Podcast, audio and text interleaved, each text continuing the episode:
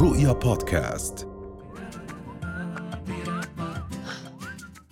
ومكملين معاكم للحديث عن أغذية ينصح بتناولها لنزلات البرد. أكيد مع دكتورة ربا مشربش صباح الخير. أهلا غاده صباح الورد. كيف أمورك تمام دكتورة؟ الحمد لله. الحمد لله. يعني دكتورة هلأ في كتير نزلات برد في صح. كتير ناس عم عم بصيبها آه، آه، هذا المرض.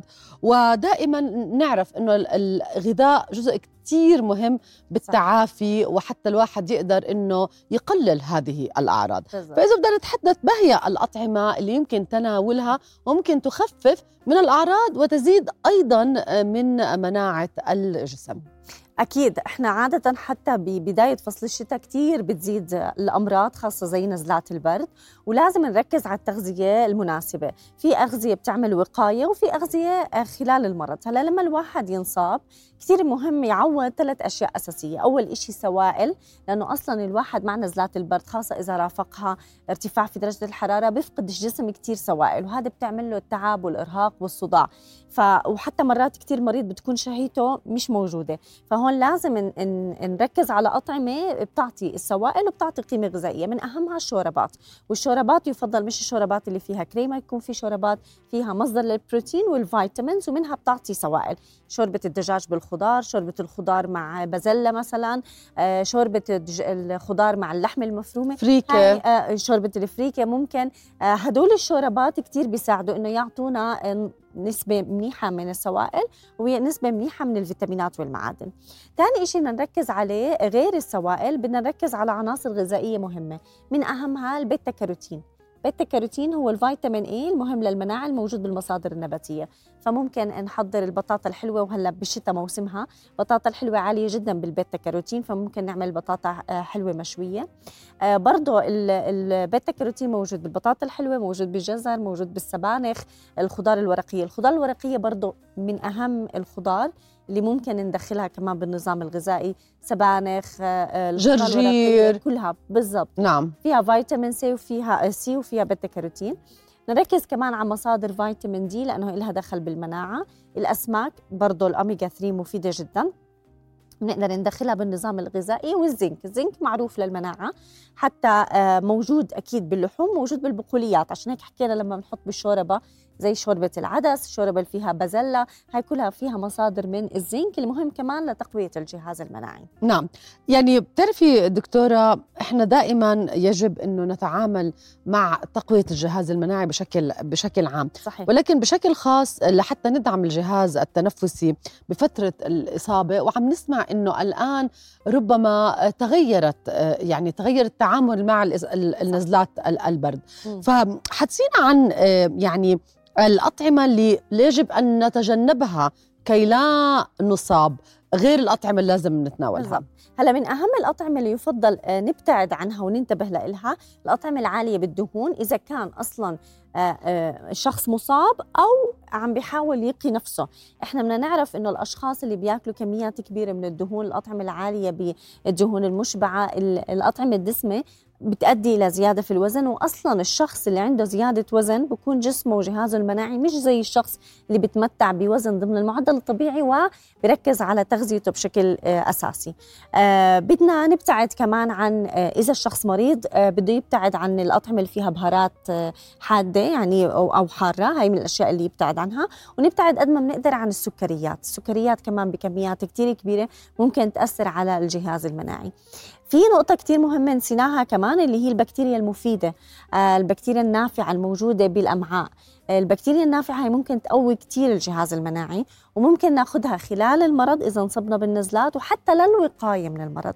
ف وأهم مصادرها عندنا الألبان هاي موجودة طبعاً. ب... ب... بكل سهولة. آه، برضه موجودة بكتير أطعمة زي ال... زي الملفوف المخلل موجودة كمان ب في أطعمة بتعزز نمو البكتيريا النافعة زي الشوفان زي الموز زي الأرضشوكي هدول من الأطعمة اللي كتير مهم نتناولها. وقلنا كمان إنه من أهم الأطعمة اللي لازم نبتعد عنها الأطعمة العالية بالدهون والمقلية والعالية بالدسم لأنه هاي بتقلل من نمو البكتيريا المفيدة وبتؤدي لنمو البكتيريا الضارة. وزي ما حكينا إذا صار في عنا خلل بين البكتيريا النافعة والضارة هذا رح يأثر على الجهاز المناعي. خاصة إحنا على فصل الشتاء بندخل فبدنا نركز. وما ننسى فيتامين سي. فيتامين سي من أهم الأشياء اللي تعمل وقاية من الأمراض وهي خاصة نزلات البرد وموجود بالبردقان بالجريب فروت حتى بالخضار الورقية موجود بالفليفلة الحلوة. هاي من الأشياء اللي حلو ندخلها لا سمح الله خلال فترة المرض أو حتى لوقاية الجسم. نتأكد أنه إحنا عم ناخذ احتياجاتنا اليومية من فيتامين سي. نعم.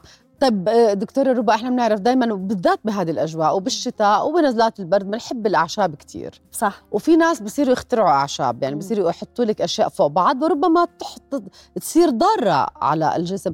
فممكن هيك تعطينا شوية نصائح بما يخص إيش الأعشاب اللي ممكن نتناولها وإيش الأعشاب اللي تضر إذا كانت موجودة مع بعض أو تناولناها بشكل مركز؟ هلأ اللي بدنا نعرفه إنه مش كل شيء طبيعي بمعنى إنه آه، مفيد. فإحنا أو آه، ما له مضار. فاحنا دائما الأعشاب إذا بدنا نتناولها بدنا نتناولها بأعتدال ما يكون في حد أكثر بس من الأشياء الآمنة اللي ممكن نتناولها بهذا الموسم مهمة لتقوية الجهاز المناعي عندنا الزنجبيل عندنا البابونج في عندنا كمان مكمل من عشبة بنسميها الايكينيشيا هلأ هاي انعمل عليها آه، دراسات كثير أثبتت إنه ممكن تساعد في إنها تخفف من نزلات البرد. بنقدر نشتريها على مكملات وحتى في منها مكملات موجودة بالسوق بكون في عنا شوي من الزنك شوي من الفيتامين سي مع عشبة الاكينيشيا اللي ممكن تخفف من آآ آه، آآ نزلات البرد. وهي بتنباع عادة في الصيدليات كمكملات. بس إذا بدنا ناخذ الأعشاب اللي بدنا نشربها عندنا زنجبيل زنجبيل وليمون لأنه كمان فيها فيتامين سي. البابونج المرمية هدول كلهم أصلا بيعطوا سوائل للجسم بيعملوا ترطيب للجسم خاصة للجهاز التنفسي. إحنا لأنه بدنا ناخذ سوائل كمية كافية في حال آه، نضلنا محافظين على جهازنا المناعي ولما نمرض عشان نقوي الجهاز المناعي. وبيعطونا كمان مثلا الجنجر أو الزنجبيل فيها مادة اسمها الجنجرول. هاي مادة مضادة للأكسدة ممكن تساعد كثير فإحنا عم نحكي على الأعشاب اللي بنتناولها بكل يوم زي زنجبيل قرفة بابونج. هاي ممكن ندخلها بنظامنا الغذائي. نعم. بس مثلا زي القرفة في عندنا نوعين من القرفة. في قرفة اللي شوي أرخص كثره تناولها ممكن يؤدي ليأثر على الكبد. فأنا عشان هيك عم نحكي إنه إذا بدنا نشرب الأعشاب يعني أنا بدي أعطي نصيحة حدا بده يشرب قرفة ما نتجاوز مثلا كاسين في اليوم ما يكون بكميات كتير كبيرة لأنه كمان في عندنا تأثير سلبي مرات للأعشاب. لما ناكلها ب... أو لما نشربها بكميات أكثر نعم. حد ولكن مثلا دكتورة يعني بما يخص مثلا الجنزبيل آه. إنه مثلا مرات أحيانا يؤثر على المعدة فإحنا كمان ما بدنا يعني نعالج الجهاز التنفسي ويؤثر على أشخاص مثلا عندهم آه، مشاكل بالمعدة قرحة وهكذا فمثلا ما هي الطريقة لتناول الجنزبيل من غير ما ياثر على المعدة هلأ الزنجبيل على فكرة هو ما بيأثر على المعدة هو بخفف من مثلا إحنا هو مناسب للحوامل على التخفيف من أعراض العيان اللي بتصير على الحمل. أوكي. فهي الفكرة إنه آه، إذا بدنا ناخذ هاي الأعشاب للناس اللي عندهم مثلا ارتداد مريئي قرحة بدنا ننتبه إنه هاي الأعشاب اللي فيها آه، آه، حرارة شوي ممكن تأثر. فإحنا على الزنجبيل ممكن بشكل كتير سهل ومرة عملناه برؤية في عنا الحليب الذهبي. فيه عناصر مختلفة اللي هو الحليب بنحط معه كركم كركم على فكرة فيه مضادات أكسدة كتير مفيدة. فممكن نبرز شوية كركم شوية زنجبيل نحط شوية من الفلفل الأسود هيك نتفة صغيرة لأنه بيعزز امتصاص الكركم ونشربه. منه مشروب دافي مفيد آه بيعزز الجهاز المناعي لأنه في عندنا عدة عناصر مضادة نعم. للأكسدة الموجودة بالزنجبيل والكركم وغيرها من غير ما يأذي معدتنا. نعم. شكرا جزيلا لوجودك معنا أهلا. دكتورة. أهلا وسهلا فيكي. أهلا. رؤيا بودكاست.